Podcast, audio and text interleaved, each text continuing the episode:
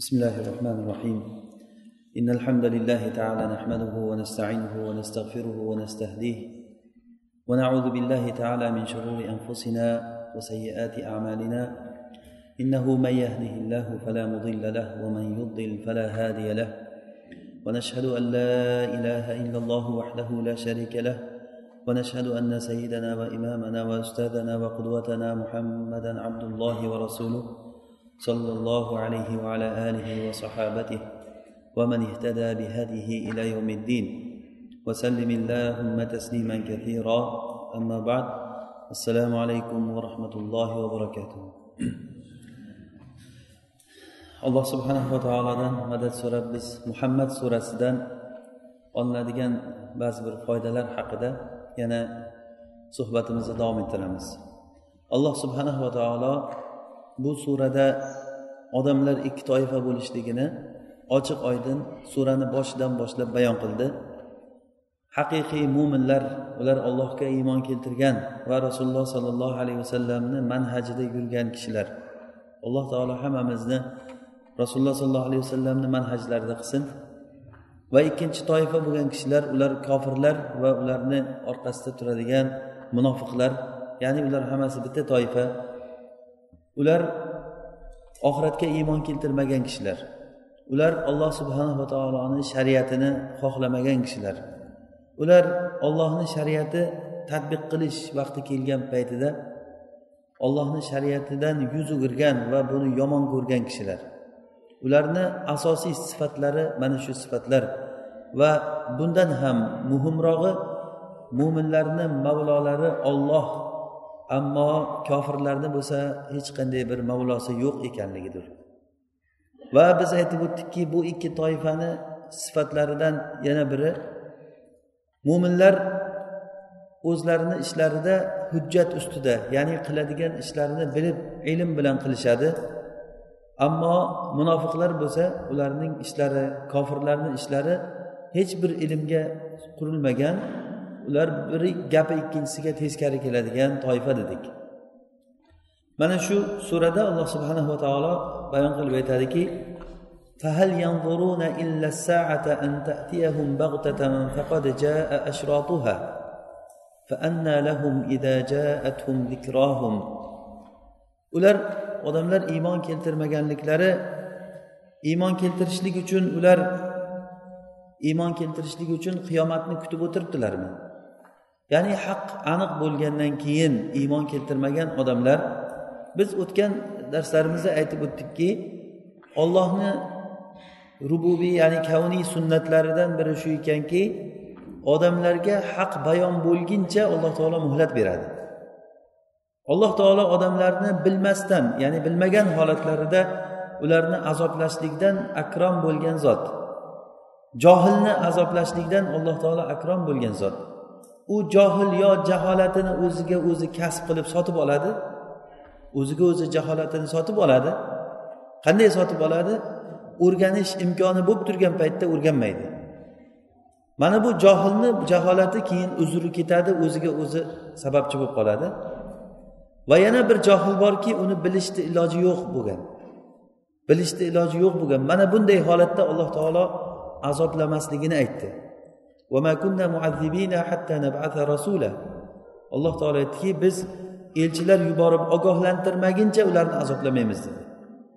Elchilar kelib odamlarni ogohlantirgandan keyin ularga haq bilan botil shunday ajralgandan keyin o'shanda keyin inson nimani ixtiyor qiladi? Ana shu paytda undan uzr ketadi. Yo'lni boshi mana shu joydan boshlanadi. Haq bayon bo'lgan vaqtida uni haq ekanligini ko'rib turib shunday botilga qarab turib havoyi nafsiga burildimi tamom o'sha paytda alloh taolo uni burilgan joyiga qarab buraveramiz degan. Nuvallihi ma tavalla uni burilgan tomoniga qarab turib uni yo'liga solvoramiz degan. Demak insonni o'ziga bog'liq bu narsa. Haq bilan botilni alloh taolo bayon qildi. Alloh taolo hidoyatni hammaga berdi. Alloh taolo hammani hidoyatladi. Payg'ambarlarni umumiy qilib hammaga yubordi.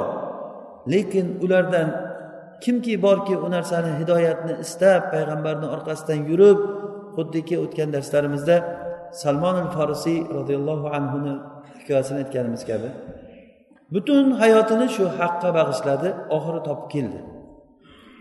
Alloh taolo bilmasdan turib odamlarni johil holatida azoblashlikdan akrom bo'lgan zot.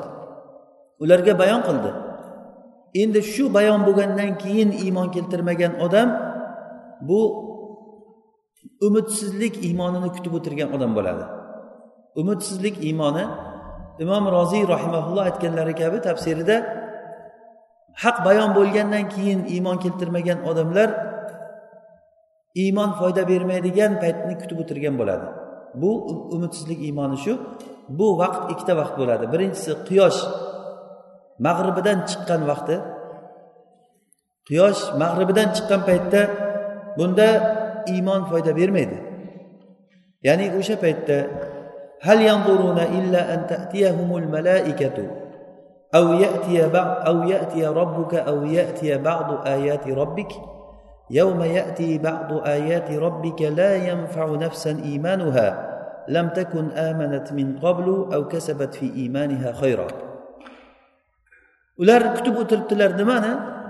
Ular qisqacha aytganda qiyomat bo'lishligini kutib o'tiribdilar. Quyosh mag'ribidan chiqishligini kutib o'tiribdilar. Agar quyosh mag'ribidan chiqsa o'shanda keyin iymon keltirmagan kishilarni iymoni keyin foyda bermaydi. Hamma iymon keltiradi deb paytda. Lekin iymoni foyda bermaydi. Mana shu kungacha iymon keltirishlik kerak. U kun ertaga bo'lishligi mumkin undan keyin bo'lishligi mumkin. Allohu alam. Alloh taolo qiyomatni ilmini hamma odamlardan g'oyib qildi yashirdi buni hech kimga bayon qilmadi. Hatto rasululloh sollallohu alayhi vasallamdan sahobalardan ba'zilari ey rasululloh qiyomat qachon? deb so'raganda qiyomatga nima tayyorlab qo'yding sen? Qachonligini so'raysan? deganlar. Qiyomatni ilmi ollohni huzuridagi narsa. Mana shu vaqt bo'lib qolsa agar quyosh agar mag'ribidan qaytib chiqsa undan keyin ham hayot bo'ladi odamlar o'rtasida. Bozorlarda savdolar bo'ladi. odamlar hayotda yashaydi lekin iymon keltirgan odamlarni iymoni keyin foyda bermaydi. Ular mana shu vaqtni kutib o'tirishibdimi? Iymon keltirmagan odamlar yoki bo'lmasa ikkinchi vaqti o'lim hozir bo'lgan paytda. O'lim hozir bo'lgan paytda odam tavba qiladi hamma odam pushaymon bo'ladi lekin foyda bermaydi. Hatto لعلي أعمل صالحا فيما تركت كلا إنها كلمة هو قائلها ومن ورائهم برزخ إلى يوم يبعثون ularni bittasiga ya'ni kofir va munofiqlarni bittalariga o'lim kelgan vaqtida u aytadiki ey robbim meni orqaga qaytaringlar ya'ni hayotda ozroq yashay deydi men solih amal qilib qolayin deydi shunda alloh taolo aytyaptiki kalla yo'q Bu ishni alloh taolo shunday hukm qildi. Bu narsa endi orqaga qaytishlik yo'q. Alloh taoloni sunnati shuni xohladiki o'lgan odam orqaga qaytib kelmaydi birorta odam qaytib kelmaydi. Ollohni bu rububiy kavniy sunnatlaridan biri imtihon bir marta bo'ladi insonga. Eng achinarli joyi shunda. Ya'ni bir marta bizga hayot bir marta beriladi. Mana shu jamoatda o'tirgan hammamiz necha yildir qanchadir yashadik umrdan. Bilmaymiz qaysimizga o'lim qachon keladi. Lekin o'lim kelgan paytda keyin odam so'raydi ollohdan hamma odam so'raydi. Qaniydi men ortga qaytsam bir solih amallar qilsam deb so'raydi lekin u so'rashligi foyda bermaydi. Illo bu so'rash bilan so'rashni farqi bor. Alloh subhanava taolo shahid bo'lgan kishilarga aytar ekanki sizlarga nima berayin? Shunda ular alloh taolo ularni ikrom qilganligini ko'rib bizga hech narsa kerak emas der ekan. Hamma ne'mat bor. Shunda olloh so'ranglar nima berayin? Ular aytar ekanki yo'q hech narsa kerak emas. Yana qayta aytar ekan nima berayin so'ranglar. Keyin so'rash kerak ekanligini bilganlaridan keyin biz so'raydigan bo'lsak bitta narsani so'raymiz. Bizni hayotga qaytargin biz yana seni yo'lingda shahid bo'lib yana shu darajaga erishaylik der ekan. Shunda alloh taolo ularga hech narsa kerak emas ekanligini bilgandan keyin ya'ni bilgandan keyin degani ollohni azaliy bilgan ilmi o'sha joyda yana ham bir zohir bo'lgandan keyin ularni o'z holatlarida jannat ne'matlarida rizqlangan holatlarida tark qilib qo'yar ekan. Ya'ni qaytishlikni so'raydigan odamlar mana bular ham so'raydi qaytaylik mayli shunday. Lekin qaytib solih amal qilaylik deb pushaymon bo'lib so'raydigan toifa bular kofir munofiq bo'lgan kishilar. Bizga hozir imkon bor. Alhamdulillah haqni eshitishlikni alloh taolo nasib qildi. Bu haqni eshitib bayon bo'lgandan keyin keyin ortga qaytsa haqni qalb bilan agar inson istamasa ana o'shanda keyin o'zidan ko'rsin bu inson keyin unga hech narsa foyda bermaydi. Bu oyatlardan biz olgan tushunchamiz shu bo'lyaptiki haq bayon bo'lgandan keyin haqqa ergashmasa tamom undan keyin inson iymon keltirishligi qiyin. Nuh alayhissalomni qavmini misol qildik. Alloh taolo nuh alayhissalomga aytdiki ey nuh seni qavmingdan hozirgacha iymon keltirgan odamlardan boshqasi endi iymon keltirmaydi. Buni olloh biladi. Inson qalbidagi narsani olloh biladi. Ollohdan boshqa hech kim bilmaydi buni. Alloh taolo aytdiki seni qavmingdan hozirgacha iymon keltirganlari iymon keltirdi bundan keyiniga endi iymon keltirmaydi degan. Ammo qalbi qulf bo'lib qolgan odamlar ular qalbi qulfligi bilan alloh taologa hujjat aytmoqchi bo'lib turib qulubuna g'ulf deb turib yahudlar o'zlarini hidoyatda yurmaganligini sababi qalbimiz qulflanib qolgan bo'lsa biz nima qilaylik degan ma'noda gapni aytishgan. Alloh taolo ularga inkor qilib aytdiki bal allohu alayha bikufrihim. Balki alloh taolo ularga qalblariga tamg'a urib qo'ygan kufr kofir bo'lganliklari sababli. Ular o'zlari sababchi mana shu narsaga. Demak oxiratda alloh taolo ularni holatlarini bayon qilib aytyaptiki ular iymon keltirishligi uchun mana shu holatni kutib o'tiribdi ular. Agar bunday holat keladigan bo'lsa odamlarga hech narsa foyda bermaydi. Yanzuruna illa mana arof surasida alloh taolo aytadiki fahal yanzuruna illa tavilah yawma yati taviluhu ya'ni tavil kalimasi arab tilida ikki xil ma'noda ishlatiladi. Qur'ondagi tavil ikki xil ma'nosi bor. Bir ma'nosi tafsir ma'noda bir ma'nosi uni haqiqati ma'nosida keladi. Tafsir ma'nosida kelgani masalan ibn abbosga rasululloh sollallohu alayhi vasallam haqlariga duo qilganlar allohimma faqihu fiddin va allimhu tavil ey ollohim uni dinda faqih qilgin va unga tavilni o'rgatgin deganlar. Bu tavil degani qur'onni tafsiri degani. Ammo ikkinchi ma'nodagi tavil bu haqiqat ma'nosidagi tavil yusuf alayhissalom yusuf surasida keladi. Yusuf alayhissalomni gaplari قال يا أبت هذا تأويل رؤياي من قبل قد جعلها ربي حقا ey ota mana bu meni ko'rgan tushimni haqiqati shu degan demak tavil haqiqat ma'nosida keladi hozir biz aytayotgan tavil arof surasidagi fahal yanzuruna illa tavilah odamlar qur'onni tavilini kutib o'tiribdimi degani qur'onni tavili qur'onda kelgan xabarlarni haqiqati. Qur'onda masalan do'zaxda odamlarni kuyishligi keldi. Ular qanday yonishliklarini sifatlab berdi alloh taolo. Agarda kofir munofiqlar do'zaxga kirgan paytda ko'zlari bilan o'sha narsani ko'rib o'zlari do'zaxni oldiga keltirilgan paytda do'zaxni hiqirgan ovozlarini eshitgan paytlarida mahsargohda turgan paytlarida ularga xabarni haqiqati chiqaveradi. Mana shu qur'onni tavili bo'ladi. Qur'on bizga o'lim haqida xabar berdi. Kim o'lsa qur'ondagi o'lim haqidagi xabarni haqiqatini o'sha o'lgan odam ko'radi. Keyin yana yana yana davomidan ko'rib ketaveradi. Ya'ni mana shu narsa tavili bo'ladi. Robiya ibn anas aytadilarki buni ibn jarir o'zini tafsirida keltirgan tobariy rahimaulloh robiya ibn anas aytgan ekanlarki shu oyatni tafsirida qur'onni tavilini odamlar kunma kun sekin sekin ko'rib boraveradi degan ekan. Munofiqlar o'zlarini munofiqligini ochiq oshkor bayon qilishligi bu qur'onni tavilidan.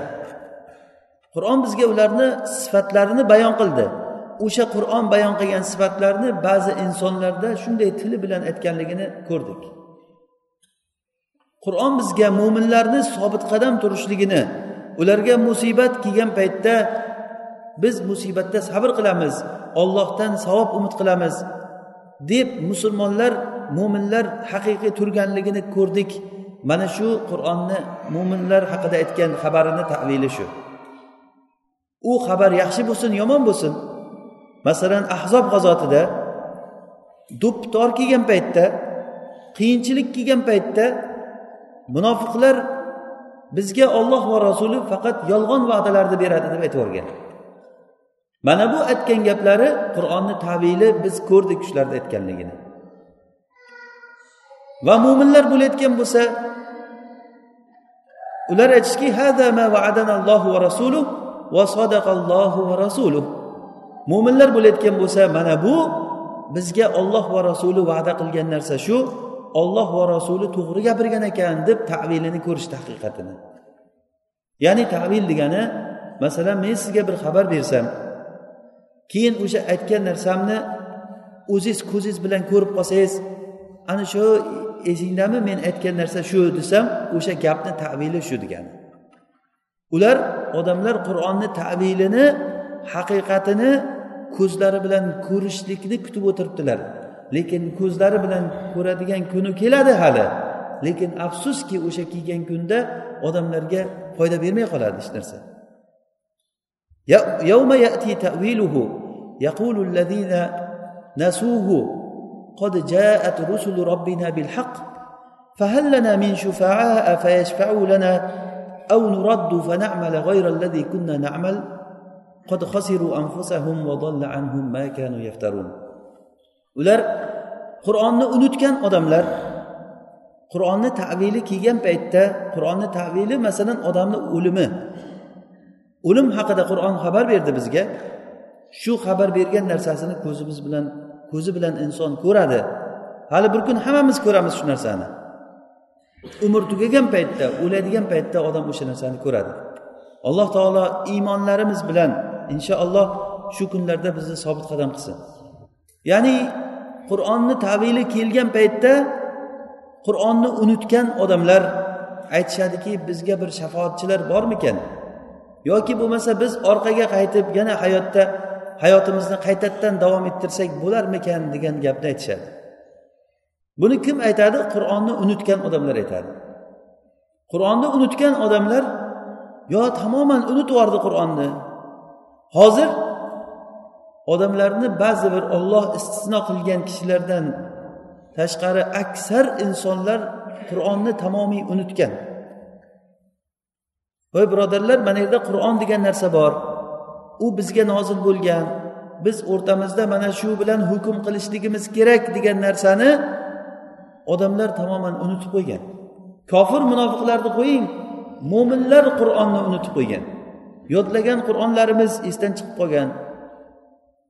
وقال الرسول يا ربي إن قوم اتخذوا هذا القرآن مهجورا payg'ambar aytdiki ey robbim bu qavm qur'onni tashlangan ya'ni mahjur qilib ushladi hajr qildi qur'on bilan hukm qilishlikni tashladi odamlar qur'onni tilovat qilishlikni tashladi odamlar agar o'qisa ham qur'on faqatgina tillarda o'qilinadigan yo bir marosimlarda o'qilinadigan ovozi chiroyli odamni ovoziga mah bo'lib bay bay bay bay deb o'tiriladigan narsaga aylanib qoldi qur'on. Qur'on vaholanki bu uchun nozil bo'lmadi. Qur'on odamlarni ichida hakam bo'lishligi uchun ularga faysal bo'lishligi uchun mo'min bilan munofiqni ajratib berishligi uchun nozil bo'ldi. Biz amal qilishligimiz uchun nozil bo'ldi. Masalan bir misol aytsakki masalan tashqarida bir o'nta odam bor mehmon kelgan masalan siznikiga mehmon keldi. Shu o'nta odamni uyga olib kirgan paytingizda bittasi esdan chiqib tashqarida qolib ketsa. Vaholanki o'sha tashqarida qolib ketgan esidan chiqargan odam eng muhim odam bo'lsa. Siz uni eslamasangiz. Kerakmas odamlarni ichkariga olib turib ularni mehmon qilsangiz ularni qancha ziyofatni bersangiz. Kerakli odam tashqarida qolib ketsa bu qur'onni tashlab qur'ondan boshqa manhajlarni olayotgan odamlar agar o'xshatsak ham shunga o'xshasa bo'ladi.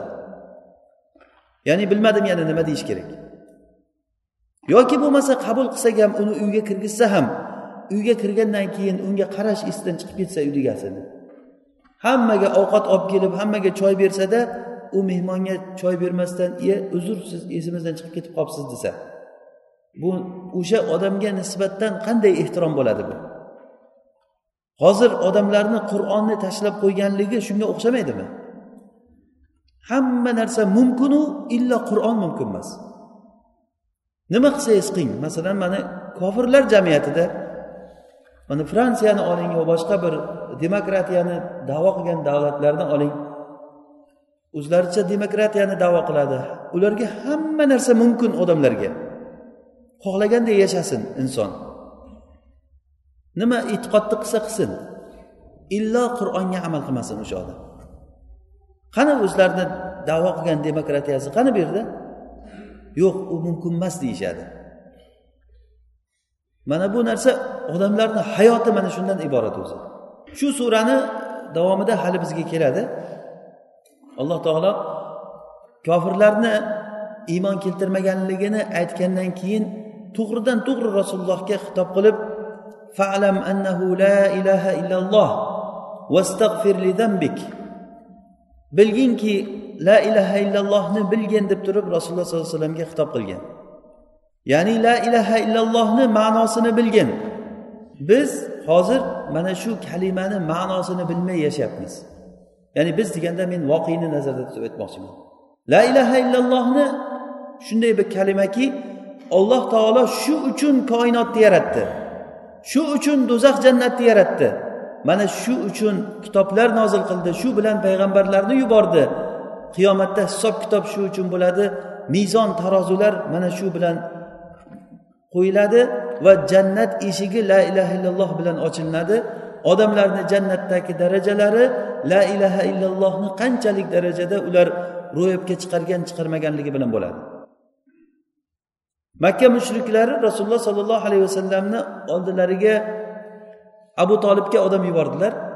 Rasululloh sollallohu alayhi vasallam o'zlarini yo'llariga da'vat qilib da'vat qilib ular o'rtasida kelishmovchilik bo'lavergandan keyin keyin abu tolib qarib qolgan o'lim yaqinlashib qolganligini ya'ni o'ylagan makka mushriklari o'ylashdiki agarda abu tolib dunyodan o'tib ketayotgan bo'lsa hozir rasulullohga ular abu tolibni hurmatidan bir narsa deyolmayapti. Agar abu tolib o'lgandan keyin sizlar muhammadga bir ziyon yetkazayotgan bo'lsalaring arablar hammalari gapirishadiki abu tolib uchun hech nima qilolmay o'tirgan ekan bular. Mana abu tolib ketgandan keyin endi ziyon berdi degan gapni eshitasizlar. O'sha uchun hozirdan masalani hal qilib qo'yaylik abu tolib tirikligida. Abu tolibga aytishdiki sen biz bilan bitta aqidadagi odamsan. Hurmating bor. Borib jiyaningga aytgin unga nima kerak? Agar pul kerak bo'lsa pul yig'ib beraylik. Agar mulk kerak bo'lsa o'zimizga molik qilib olaylik. Agar bir kasal bo'lsa davolataylik. Unaqa qilaylik bunaqa qilaylik. Nima sharti bor? Nima sharti bo'lsa aytsin. Faqat bu yo'lidan bizni olihalarimizni so'kishdan qaytsin degan. Olihalarimizni so'kmasin degan. Shunda abu tolib rasululloh sollallohu alayhi vasallamga juda ham yolinib juda yolvorib gapirgan ekan. Ey jiyan mani ko'rib turibsan mana shunday mana shunday mana shunday ishlar bo'lyapti. Deganda rasululloh sollallohu alayhi vasallam aytgan ekanlarki men sizga bundan ham yengilroq bitta narsani aytaman degan ekan. Nima edi deganda men bitta kalimani aytaman la ilaha illalloh desin qavm bo'ldi degan ekan. Abu tolib aytgan ekanki la ilaha illalloh desa bo'ldimi ular deganda bo'ldi. Shunda ularga aytgan ekanki sizlar la ilaha illalloh deyglar tamom u bilan kelishar ekansizlar deganda abu jahl aytgan ekanki shumi endi sharti? Hech qachon bu kalimani biz aytolmaymiz degan. Shuncha olihalarni bitta iloh qilib qo'yadimi? Mushriklar la ilaha illallohni ma'nosini tamoman tushunib yetgan ular. La ilaha illalloh degani faqatgina ibodatni ollohga qilish degani. La ilaha illalloh degani duo qilasizmi qurbonlik qilasizmi jonliq so'yasizmi? Ollohdan hamma narsa olloh uchun qilinishligi. Sizni namozingiz sizni ibodatingiz sizni hayotingiz mana shu olloh uchun bo'lishligi degani. Keyin ular bir birlariga vasiyat qilib hech qachon bu narsa bo'lmaydi odamlarga ogohlantiringlar boshqalarga aytinglar bu so'zda mahkam turinglar deb ular rasulullohni oldidan chiqib ketishdi. Rasululloh sollallohu alayhi vasallam aytdilarki agar shu kalimani aytmaydigan bo'lsalaring meni agar yelkamga qo'limga quyoshni olib kelib bersalaring ham men bu yo'ldan qaytmayman deganlar. Toki men shu yo'lda o'lib halok bo'laman yoki alloh taolo o'zi bir xohlab bir yoqqa hukm chiqaradi degan. Ular chiqib ketishlikda bir birlariga qur'on shularni voqeasini aytib beradiki animshu vasbiru ala alihatikum inna hada la shay'un yurad ulardan bir jamoasi chiqib ular aytishdiki shu yo'llaringda mahkam turinglar sobit turinglar hech qachon o'zlaringni manhajlaringdan yo'llaringdan qaytmanglar. Haqiqiy yo'l haqiqiy narsa shu deb aytib chiqib ketishdi. Vaholanki ular kazzob edi o'zlarini kazzob ekanligini bilishardi shunda. Bilib turib rasululloh sollallohu alayhi vasallamga dushmanchilik qilishdi. Va bu yo'lda odamlar bir birlarini to'sib boshqa kelgan odamlarga ham shunday to'sqinchilik qilishdi. Robiyat ibn abbad roziyallohu anhu u kishi kofir paytlarini hikoya qilib aytib beradi. Men zilmajaz degan bozorda edim. Zilmajaz degan arablarni bir mavsumiy bozori bo'lgan. Shu bozorda paytimda rasulullohni ko'rganman.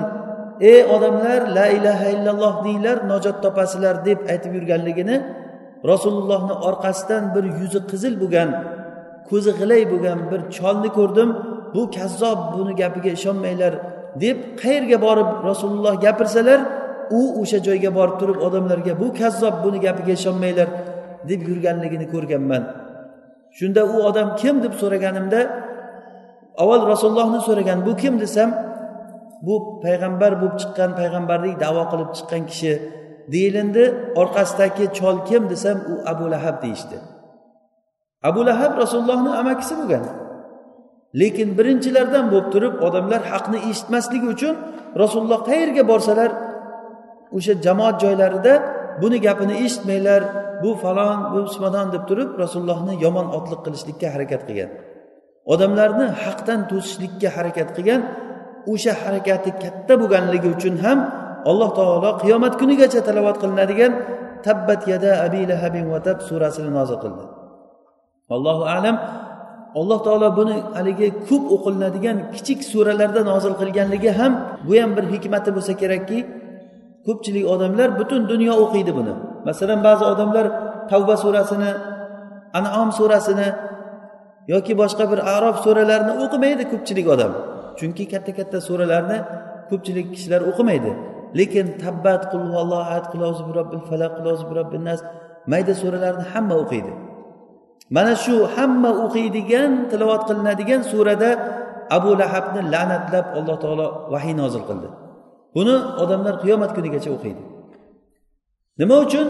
Chunki al jazau min jinsil amal. Jazo amal jinsidan bo'ladi.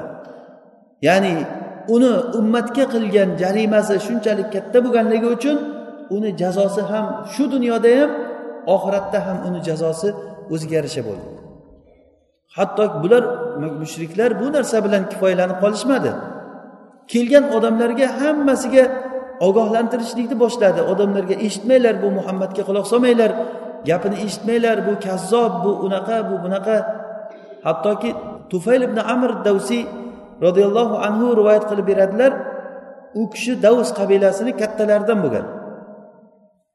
Shoir bo'lgan. Makkaga kelib turib kabani tavof qilishlikka kelgan paytida oldidan abu jahl va boshqa quraysh kattalari oldidan chiqib turib sen makkaga kelibsan bizdan bir yolg'onchi payg'ambar chiqqan. U senga o'zining sehr bo'lgan gaplari bilan seni sehrlab qo'ymasin. Uni gaplari xuddi sehrga o'xshaydi. Otadan bolani ajratadi aka ukani o'rtasidan ajratyapti. Bir eshitgan odam ta'sirlanib qolib aynib qolyapti. Shuning uchun uni gaplarini sen eshitmagin deb unga gapiraverib gapiraverib u qo'rqib ketganligidan quloqlariga paxta tiqib olgan ekan. Shu muhammadni sallallohu alayhi vasallam gaplari meni qulog'imga kirib qolmasin aynib qolmayin deb qulog'iga paxta tiqib olgan. Lekin alloh taolo o'zi xohlagan narsasini qildi. Kabaga kirsam kabada rasululloh sollallohu alayhi vasallam namoz o'qib turgan ekanlar. Namozda qiroatni jahriy o'qib turganliklarida kabani aylanib aylanib oxiri bir to'xtagan joyida qarasam muhammadni yonida o'tirib qolibman ekan degan. Shunda nimanidir o'qiyapti men tushunmayapman degan qulog'iga paxta tiqilgan. Shu holatda turib turib o'zimga o'zim achchig'im kelib o'zimga o'zim haybim keldi. Qurib ketgur ey tufayl sen bir kalomni yaxshisini yomonidan ajratadigan aqlli bir shoir bo'lsang bu nimasi qulog'ingga paxta tiqib olganing uni gapini eshitgin kimdan qo'rqasan? Agar haq bo'layotgan bo'lsa qabul qilgin noto'g'ri bo'layotgan bo'lsa olmaysan deb qulog'idan paxtani olib rasululloh bilan bir marta suhbatlashgan paytda u kishini qalbiga iymon kirdi o'zi. Rasulullohni qur'onlarini eshitdi. Keyin rasululloh sollallohu alayhi vasallam ketganlarida orqasidan yurdi u kishi. Rasululloh uylariga kirguncha orqasidan bordi. Rasulullohni uyiga kirganlaridan orqasidan borib aytdiki men falon joydan kelgan falonchiman. Seni gapingni eshitdim. Vallohi bu haq bu. Menga islomni ro'para qilgin dedi. Rasululloh sollallohu alayhi vasallam islomni ro'para qildilar. O'sha paytda u kishi iymon keltirdi. Iymon keltirib to'xtab qolmadi. Rasulullohga aytdiki ey rasululloh menga ruxsat bering men borib qavmimni da'vat qilayin dedilar. Qavmimni da'vat qilayin deganda rasululloh sallallohu alayhi vasallam ruxsat berdilar. Keyin ey rasululloh menga bir hujjat bo'lishligi uchun bir mo'jiza bo'lsin qavmimga borib ko'rsatishlik uchun deganda rasululloh sollallohu alayhi vasallam duo qildilarki ey robbim bunga bir hujjat ko'rsatgin deb. U kishi yo'lga chiqib davusga qarab ketishligida peshonasini o'rtasida bir nur paydo bo'lgan ekan. Nur paydo bo'lganda bu kishi duo qildilarki ey robbim meni ko'zimni o'rtasida bo'lmasin bu nur. Odamlarga borib aytsa mani dinini tashlab ayniganligi uchun mani peshonasi yaltirab qolibdi buni. degan tuhmatga uchramayin boshqa bir joyimga qilgin deganda nur kelib qamchisini uchida paydo bo'lgan ekan. Mana shu bilan qavmiga kirib borgan. Qavmiga borganda birinchi aytayotgan otasiga uchrashgan paytda otasiga aytgan ekanki ey ota sizni yuzingiz meni yuzimga harom siz menga uchrashmang meni dinim boshqa sizniki boshqa degan. Nega bunday deyapsan deganda men muhammad sallallohu alayhi vasallamga iymon keltirdim degan. Shunda otasi aytgan ekanki seni dining meni dinim. Ro'para qilgin diningni iymon keltiraman degan. Dinini ro'para qilganda o'sha yerda iymon keltirgan. Xotini kelgan paytda xotiniga ham shu gapni aytganda xotini ham seni dining meni dinim. Menga o'rgatgin men iymon keltiraman degan xotini ham iymon keltirgan. Bu kishini barakasi bilan davusdan ancha odamlar iymon keltirgan. Lekin davus qabilasi iymon keltirmagan ekan. Davus qabilasi iymon keltirmagan keyin rasulullohni oldiga borganlarida tufayl ey rasululloh meni qavmim iymon keltirmadi iymon keltirmayapti ko'p sarkashliklar qilyapti deganda rasululloh sallallohu alayhi vasallam qo'llarini ochib turib allohim mahdi davsan deb duo qildilar. Ey ollohim davus qabilasini hidoyat qilgin deb. Bu kishi qaytib kelgan paytlarida hammalari iymon keltirdi dedilar. Ya'ni alloh taoloni xohlagan bandalari bir eshitib iymon keltirib ollohni diniga borib da'vatchi bo'lib qaytib ketyapti. Lekin ertayu kech ularga da'vat qilib ularga tushuntirib shuncha gapirgan odamlar iymon keltirmasdan o'zini yo'lida sobit turgan odamlar bo'lgan. Va shu yo'lda kurashgan rasulullohga qarshi bu ollohni sunnati qiyomat kunigacha ketadigan ollohni sunnati bu. Bu manhaj rasululloh sollallohu alayhi vasallamni manhaji la ilaha illallohga qurilgan manhaj bo'ladi. Ammo iymon keltirmagan odamlar bo'ladigan bo'lsa ular nimani kutib o'tiribdilar? Ular shu qur'onni tavilini kutib o'tiribdi. Tavili deganimiz yana takror aytamiz tavili nima bo'ldi? Qur'on aytgan xabarlarni haqiqati. O'lim haqida xabar berdi odamlar o'zini o'lishligini kutib o'tiribdi. Yoki quyoshni teskari chiqishligi haqida xabar berdi odamlar quyoshni teskari chiqishligi haqida chiqishligini kutib o'tiribdi. Ular qiyomatda borib turib ollohni oldida turganda ularga ikkita narsani yo'l bo'ladi. Birinchisi shafoatchi so'rashadi ikkinchisi orqaga qaytishlikni so'rashadi. Shafoatchilar yo'q ekanligini ular ishonganlaridan keyin hatto o'zlari ham shuni o'z tillari bilan aytishar ekanki min shafiin. Vala sodiqin hamim ya'ni bizga hech qanday shafoatchilar yo'q va bizni himoya qilayotgan do'stlar ham yo'q deyishar ekan. qaniydi bizga agar yana qaytadan umr berilsa edi biz mo'minlardan bo'lsak? Orqaga qaytishlikni so'rashar ekan. Orqaga qaytishlikni so'rashganda alloh subhanava taolo ularga orqaga qaytishlik yo'q ekanligini raddiya javobini bergandan keyin ular do'zaxga kirishligi muqarrar ekanligini do'zaxni oldiga olib kelinib ular do'zaxga kirishligi muqarrar bo'ldi. Shafoatchi so'rasalar shafoatchi yo'q. Orqaga qaytishlikni so'rasalar orqaga qaytishlikka hech iloji yo'q. Shunda ular do'zaxga kirib do'zaxda kuyib turgan paytlarida arof ashoblariga ko'zlari tushar ekan. Alloh taolo ularga shuni ko'rsatib qo'yar ekan. Arof ashoblari ular hasanoti bilan sayyoati tarozida teng bo'lib qolgan odamlar. Ular jannat bilan do'zaxni o'rtasidagi bir joyda qolishar ekan. Ular do'zaxga qarab yuzlarini qaratsalar duo qilishadiki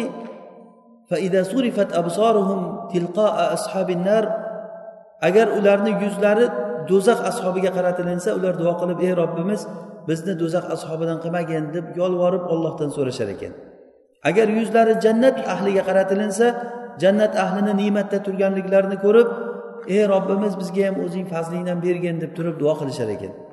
Keyin alloh taolo ularni kechirib o'zini fazli bilan ularni jannatga kirgizar ekan. Ularni jannatga kirgizganligini ko'rib do'zax ahli yana umidlanib qolar ekan.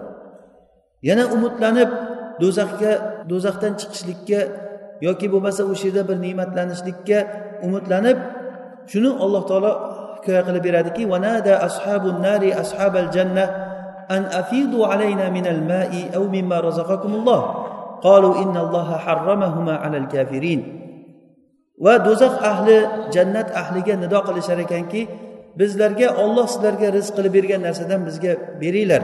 Yo taom yoki sharobdan ichimlik suvlaridan bizga beringlar deganda ular javob berishar ekanki olloh taolo buni kofirlarga harom qildi.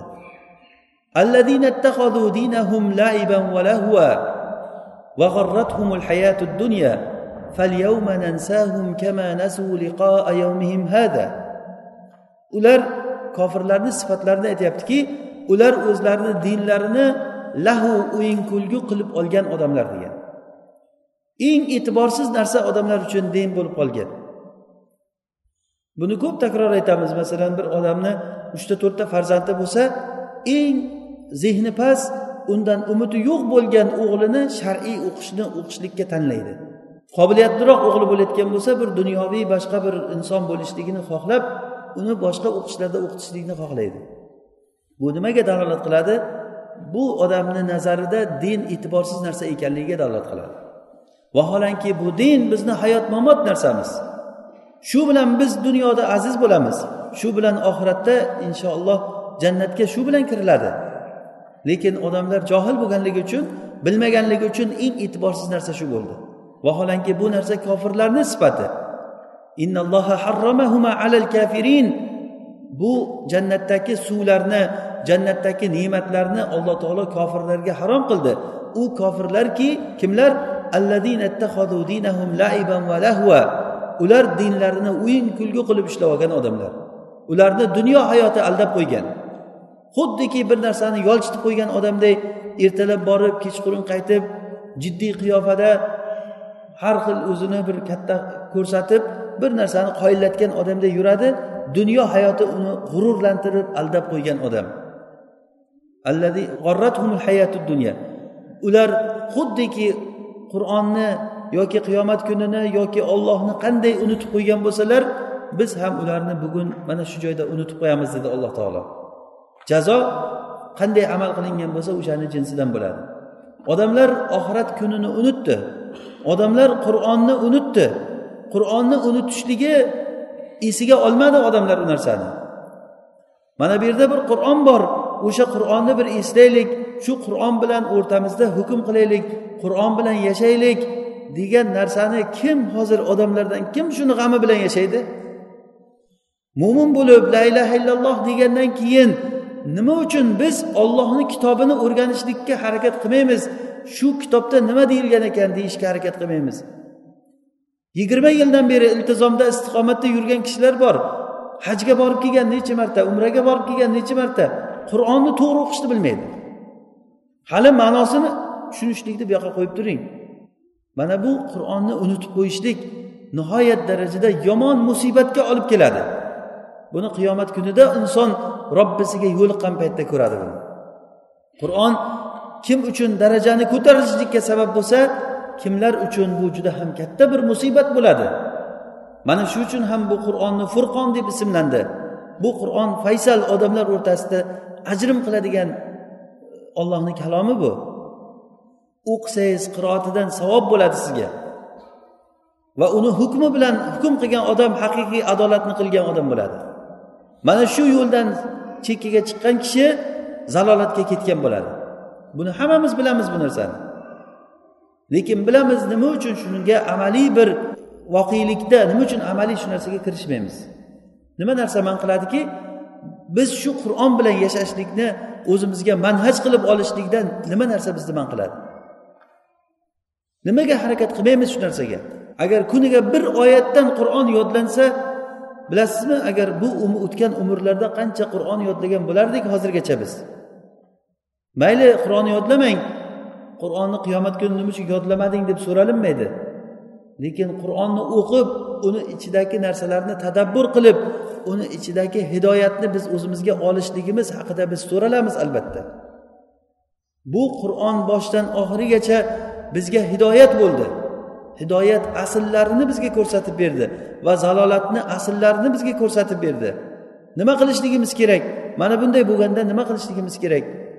Bizni dunyo hayoti g'ururlantirib qo'ymasin. Mana bu asl.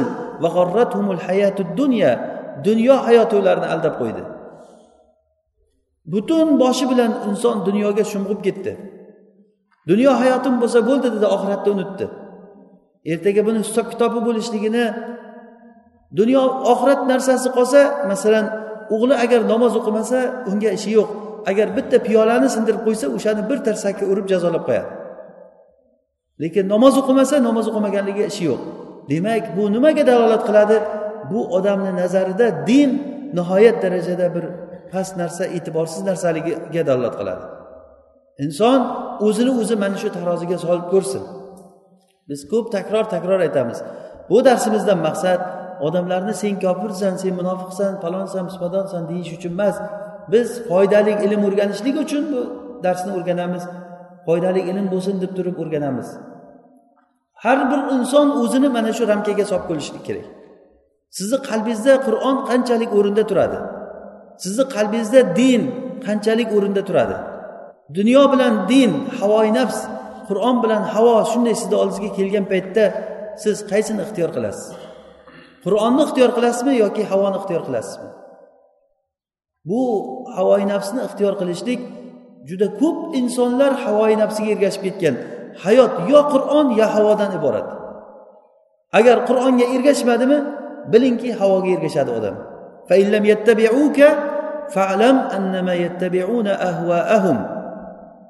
Agar rasulullohga ergashmasa bu qur'on bu rasulullohga ergashmasa bilingki u odamlar havoyi nafsiga ergashyapti. Odamlar o'zini havoyi nafsiga ergashishlik uchun qiynalyapti.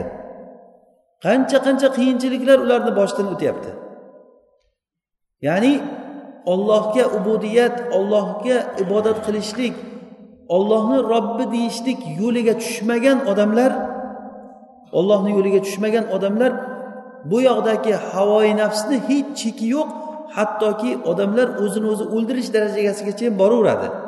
Bu hech qachon ularni bir haqda yo bir yaxshilikda ekanligini ko'rsatmaydi. Masalan bir paytlar yaponiyani haligi urush nimalarida aytiladi samolyotlarga minib odamlar o'zini o'zi shu kemalarni ustiga kelib turib haligi kamikadzilar deydiku kelib turib odamlarga o'zini urganligi. Ya'ni shunchalik darajada fidoyi bo'lgan. Lekin bu fidoyiligi qur'on tarozisi bilan o'lchaganda nima deyiladi o'sha fidoyilik? Ya'ni oxirgi fidoyilik inson o'zini o'zi fidoyi bo'lib turib o'zini o'zi vatani uchun o'zini yurti uchun o'zini fido qilyapti. Lekin qur'on oldida u narsa nima? Hamma o'zini fido qilgan odam to'g'ri yo'lda bo'lib qolavermaydi. U o'zini o'zi mani fido qilib yubordi o'zini o'zi halok qilib yubordi desa o'zini o'zi halok qilaveradi. Ibrat u bilan emas ibrat qur'on tarozisi bilan o'lchanadi. Demak inson adashgan paytda hattoki shu darajagacha ham adashishligi mumkin.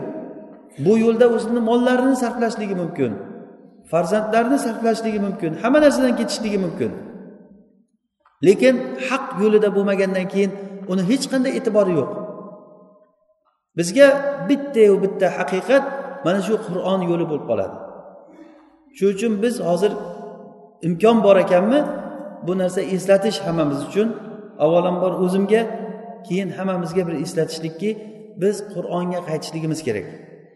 Iymon keltirishligimiz kerak qur'onni ichidagi xabarlarga iymon keltirishligimiz kerak. Odamlar qur'onda uch toifaga bo'linadi. Odamlar bu bobda la ilaha illalloh o'zi qur'onni aslisi bu. Bunda uch toifaga bo'linadi. Kimlardir bor johil hech narsaga e'tibor bermaydigan odamlar bor. Ularni qiziqtirmaydi hech narsa. Aksar odamlar mana shunday bo'lib qolgan. Hech narsa qiziqtirmaydi ularni. Qur'on o'qisangiz ham bir xil o'qimasangiz ham agar ovozi yaxshiroq bo'lsa o'shani eshitib ham o'tiraveradi. Yaxshi o'qir ekan deb qo'yadi. Bu toifa odamlar endi bu gapirmaymiz buni.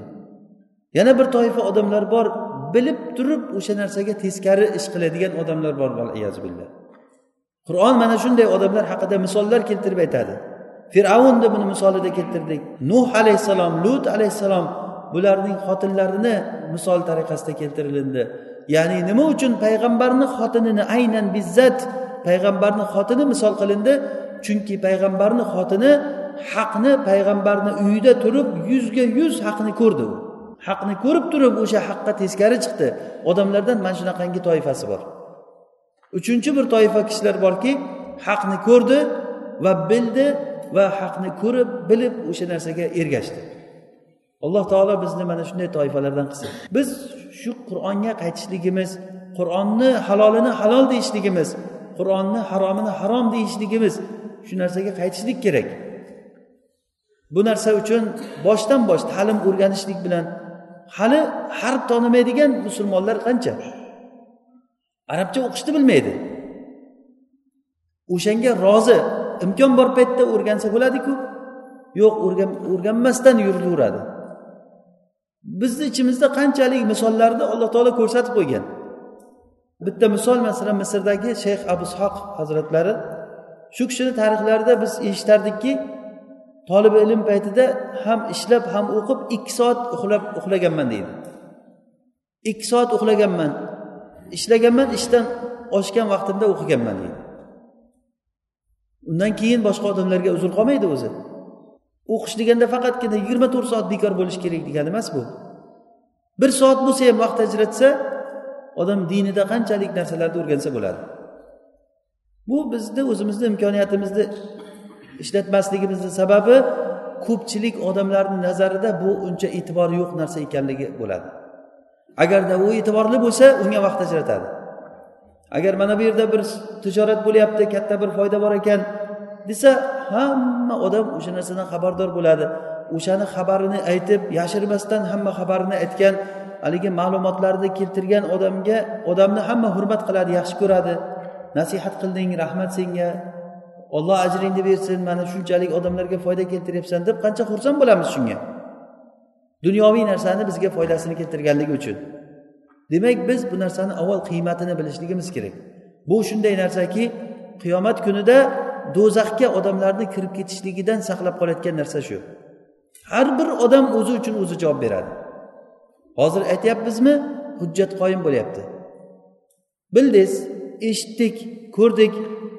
Endi bundan keyin hamma narsa bo'lgandan keyin agar shunga ergashilinmasa bu odamlar qur'onni tavilini kutib o'tirgan odamlar bo'lib qoladi. Qur'onni tavili degani yana aytamizki nima ekan? U qur'onda kelgan xabarlarni haqiqati. Kutib turing u xabarlar sekin sekin bo'laveradi. Mana qur'onda bir qancha joylarda shu ma'noda oyatlar kelgan. Kutib turinglar biz ham kutib turamiz deyilgan. Kutinglar sizlar bizlar ham kutamiz. Ya'ni haqdamisiz haqda sabr qiling. Bu narsada kuting ular ham kutsin siz ham kuting. Lekin ertaga nima bo'lishligini hamma ko'radi. Yaqin vaqt ichida ko'radi. Kecha bizni ichimizda yurgan sog'lom bo'lib yurgan odamlarni bugun dafn qilib kelyapti odamlar. Falonchi dunyodan o'tibdi falonchi ketibdi. Demak dunyodan o'tyaptimi? Demak dunyo bitta u odamga degani. Undan keyingi narsasini ko'radi. Yo u yoqqa ketadi yo bu yoqqa ketadi olloh asrasin. Odamlar qiyomatda do'zaxga kirgan odamlar shafoatchilarni shafoatidan noumid bo'lgandan keyin va orqaga qaytishlikni hech bir iloji bo'lmagandan keyin ular alloh taologa duo qilar ekan. Ular aytishar ekanki robbana axrijna minha fa in udna fa inna zolimun qala fiha va la tukallimun. إنه كان فريق من عبادي يقولون ربنا آمنا فاغفر لنا وارحمنا وأنت خير الراحمين فاتخذتموهم سخريا حتى أنسوكم ذكري وكنتم منهم تضحكون ular qiyomat kunida allohga duo qilib aytishar ekanki ey robbim robbimiz bizni bu do'zaxdan chiqargin do'zaxdan chiqargin albatta biz yaxshi amallar qilamiz deganda alloh taolo aytar ekanki fiha ya'ni ovozlaringni o'chiringlar xor bo'ylar umuman gapirmanglar menga der ekan.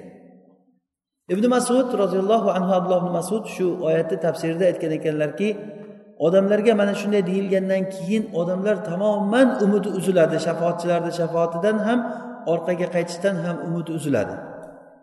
Hattoki alloh taolo odamlarni do'zaxdagi odamlarni yuzlarini boshqacha yuzga o'zgartirib qo'yar ekan. Va mo'minlarga aytar ekanki kirib turib o'zlaring tanigan kishilarni shafoat qilib chiqaringlar der ekan alloh taolo. Mo'minlar do'zaxga kirib ya'ni mo'minlar do'zaxga kirishligida demak kuymaydi u olloh o'zi xohlaganday bo'ladi bu narsa. Kirib haligi do'zax ahlini ahvolini ko'rsa keyin har kim o'zi tanigan kishisini chiqaraman desa haligi odamni yuzi o'zgarib qolganligi uchun tanimas ekan. Ey falonchi men falonchiman taniyapsanmi? desa yo'q sen boshqasanku men tanimayapman seni der ekan mo'minlar mana shunday qilib turib haligi odamlar do'zaxda qolgandan keyin mo'minlar keyin chiqqandan keyin do'zaxni eshigi yopiladi qoplanadi tamom. Undan keyin ular na bir e, do'zaxni taom va sharobi bor ularga e, jannatni yoki na bir shafoatchilar bor na orqaga qaytish bor. Va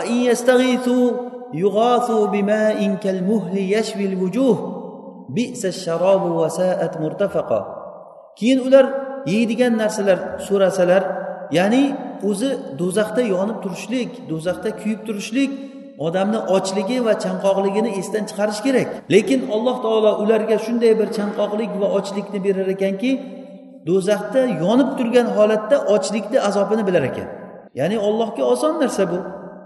Shu ochlikni azobi bilan ular ey robbim bizga bir yegulik narsa bergin deganda va agar ularga ular suv so'rasalar ularga bir qaynab turgan yog'ni suv qilib berilar ekan. U yog' qaynab turgan baqillab qaynab turgan yog'ni suv qilib berilar ekan. Ichaman deb turib shunday yuzini oldiga olib kelganda yuzlaridagi go'shtlari shunday erib suvni yog'ni ichiga qaytib tushib ketar ekan. Yashvil vujuh deydi ya'ni yuzlarni kuydirib yuboradi olib kelganda. Lekin ichidagi alami shunchalik darajada chanqog'i qattiq bo'lganligidan majbur bo'lib shuni ichishlikka majbur bo'lar ekan odamlar. Ichgan paytlarida uni ichidagi hech narsani qoldirmasdan ichaklarini yondirib o'yib tushib ketar ekan yana o'rniga alloh taolo qaytarib qo'yar ekan yana ichadi yana qaytarib qo'yadi mana shuni bilan azoblanadi degan. Agar taom so'rasalar ularga zaqqum daraxtidan bo'lgan taom ularga taom qilib beriladi. Inna shajarata zaqqum taamul atim. Zaqqum daraxti gunohkor odamlarni taomi bo'ladi bu. Bu xabarlar bizga nima uchun aytilingan? Ertaga yaqinda mana shu qur'onni xabarlarini tavilini kimlardir ko'radi? Olloh asrasin bunday holatlarni ko'rsatishlikdan. Bizda shu holatlardan saqlanishlik uchun imkon bor hozir. Xursand bo'lingki bizda namoz o'qishlikka hozir sharoit bor. Tavba qilishlikka hozir sharoit bor. Vallohi agar ey robbim meni kechir deb tavba qiling alloh taolo hamma gunohingizni kechiradi. Men buni qasam ichib aytganligim chunki dalillardan qur'on sunnadagi bir qancha dalillardan bizga yog'ilib kelgan narsalar shuni ko'rsatadiki kim tavba qilsa alloh taolo uni tavbasini kechiradi. Gunoh qilmagan kim bor? Faqat yaxshilik qilgan kim bor? Hammamiz gunohkormiz ollohni oldida. Lekin tavba qilgan odam haqiqiy baxtli odam bo'ladi. Tavba qilaylikki o'sha kun kelib qolmasligidan oldin. Hali yaqinda keladi bu kun. Bilmadik umrimiz qancha qoldi. Allohga yaqinlashyapmiz kundan kunga. Balki bugun bormiz ertaga yo'qdirmiz balkim. Olloh biladi bu narsani. Lekin bilamizki bir kuni biz o'lamiz. Bir kuni bizni hayot bizdan ketadi. Lekin o'sha paytda bu narsalarni biz eslaymiz. Mana shu kunda bizni shu hayotda qilgan solih amallarimiz zoro bizga shu asqotsa o'sha uchun yaxshilikni ko'paytiraylik ehsonni ko'paytiraylik yaxshilikni ko'paytiraylik namoz o'qishlikni ko'paytiraylik nafl namozlarni ko'paytiraylik. Nima qilsak qilaylikki alloh taologa yaqinlashishlikka harakat qilaylik. Bu uchun shu tavba qilishdan ishni boshlaymiz. Agar tavba qilsa alloh taolo tavba qilgan bandasini tavbasini kechiradi. Shunchalik kechirar ekanki xuddi onadan tug'ilganday hech narsa yo'q bo'ladi. Orqa sahifa yopiladi. Lekin tavba bilan tavbani farqi bor. U tavba faqat tilda aytiladigan tavba bo'lib qolmasligi kerak. Mana shu narsa biz uchun juda ham muhim. Bugungi kundagi bizni qo'limizdan keladigan o'zimizni imkoniyatimizda bor bo'lgan narsa. Alhamdulillah shu kunlarga yetkazdi alloh taolo bizni. Keyin bu oyatlardan keyin alloh taolo aytadiki falam annahu la ilaha illalloh. Rasululloh sollallohu alayhi vasallamga xitob qilib bu rasulullohga bo'lgan xitob bizga bo'lgan xitob. Bilingki ollohdan boshqa iloh yo'q ekanligini biling. Haqiqiy ibodat qilinadigan ma'bud olloh qalbimiz bilan badanimiz bilan ibodat qilinadigan ma'bud faqatgina olloh mana shu narsani biling. La ilaha illalloh faqat tilda qaytariladigan kalima emas bu hayot bu manhaj bu. La ilaha illalloh. Biz bizga bu o'zi surani boshidan boshlab muhammad sollallohu alayhi vasallamni manhajini o'rganishlikni boshlab kelayotgandik bugungi kundagi yetib kelgan joyimiz mana shu manhajni asosiy qismi rasulullohga bo'lgan xitob la ilaha illallohni bilgin degan xitob. La ilaha illalloh bilan yashaymiz. La ilaha illalloh bilan hukm qilamiz. La ilaha illalloh bilan o'lamiz. La ilaha illalloh bilan tirilamiz. Qiyomatda mahsargohda shu bilan hisob kitob qilinamiz. Mana bu narsa eng muhim bo'lgan eng e'tiborli narsa shu. Odamlar bu la ilaha illallohni haqiqati tugul shu kalimani o'zini aytolmagan qancha odamlar bor. Uylanishda nikoh paytida domilla so'lab qolar ekan la ilaha illallohni deb kuyovlar qog'ozga yozib yodlab yurganligini ko'rganmiz. Yoshi yigirmadan oshgan o'ttizga yaqinlashgan bolalar shular. Islomni musulmonchilikni davo qilgan odamlar. Lekin la ilaha illalloh kalimasini loaql tili bilan aytishlikka tili bormaydi. Biz qanday bir holatga kelib qoldik? Salaf solihlarimizni eng o'sha yo'llardan biri yosh bolaga birinchi o'rgatadigan narsalari la ilaha illalloh bilan tili chiqishlikka harakat qilishar ekan. Isfahoniy rahimaulloh aytadilarki bu salaf solihinlar yetti marta la ilaha illalloh deyishlikni o'rgatishligi ularni odatlari bo'lgan ekan yosh bolalarga. Birinchi tili chiqish paytida yosh bolaga shu narsani aytishar ekan la ilaha illalloh deb o'rgatar ekan. Ibn qayim rahimaulloh tuhfatul mavlud kitobida birinchi bo'lib turib bolaga o'rgatilinadigan narsa la ilaha illalloh deganlar. Keyin unga o'rgatingki alloh taolo arshni ustida alloh taolo hamma narsani ko'rib turibdi alloh taolo hamma narsani bilib turibdi alloh taolo har narsaga qodir alloh taolo hammamizni hisob kitob qiladi ertaga qiyomat bor degan ma'nolarni birinchi bo'lib turib aqlini tanigan holatda bolaga singdirishligimiz kerak bo'lgan narsa deganlar. Inshaalloh bu suhbatimizni hali davomi bor. Alloh taolo hammamizga foydali ilm bersin. Bu qur'onga agar biz e'tibor berib o'qiydigan bo'lsak qur'on mana shu ma'no ustida aylanadi. Bizni tarbiyalaydi. Bizni rasululloh sollallohu alayhi vasallamni manhajiga yo'llaydi. Har birimizni men bu nasihatni avvalambor o'zimga keyin hammamizga aytamanki bir qur'on o'qishlikdan bir verdimiz bo'lsin. Qur'ondan uzoqlashmaylik birodarlar. Bu bizni hayot manhajimiz shu o'zi. Agar shuni mahkam ushlasak inshaalloh bu dunyoyu u dunyo xor bo'lmaymiz. Bizni xorligimiz bizni izzatimizni ketishligi mana shu narsani tashlashlikdan bo'ldi. O'qishni bilmagan odamlar o'qishga o'rganish kerak. Shunga boshlab olim alloma bo'lib ketishlik shart emas. Shu yo'lga tushib to'g'ri yo'lda turgan mutaallimun ala sabili najah bo'lsak shu yetadi o'zi. U nomiga dars qo'yish haftada bir dars qo'yish bilan bo'lmaydi ish. Ya'ni sekin sekin sekinlik bilan o'rganishlik bilan bitta harf o'rganing ikkita harf o'rganing ya'ni kuchingizda bor bo'lgan narsani kuchingizni sarflang shu narsaga. Yoshi katta bo'lsin kichik bo'lsin.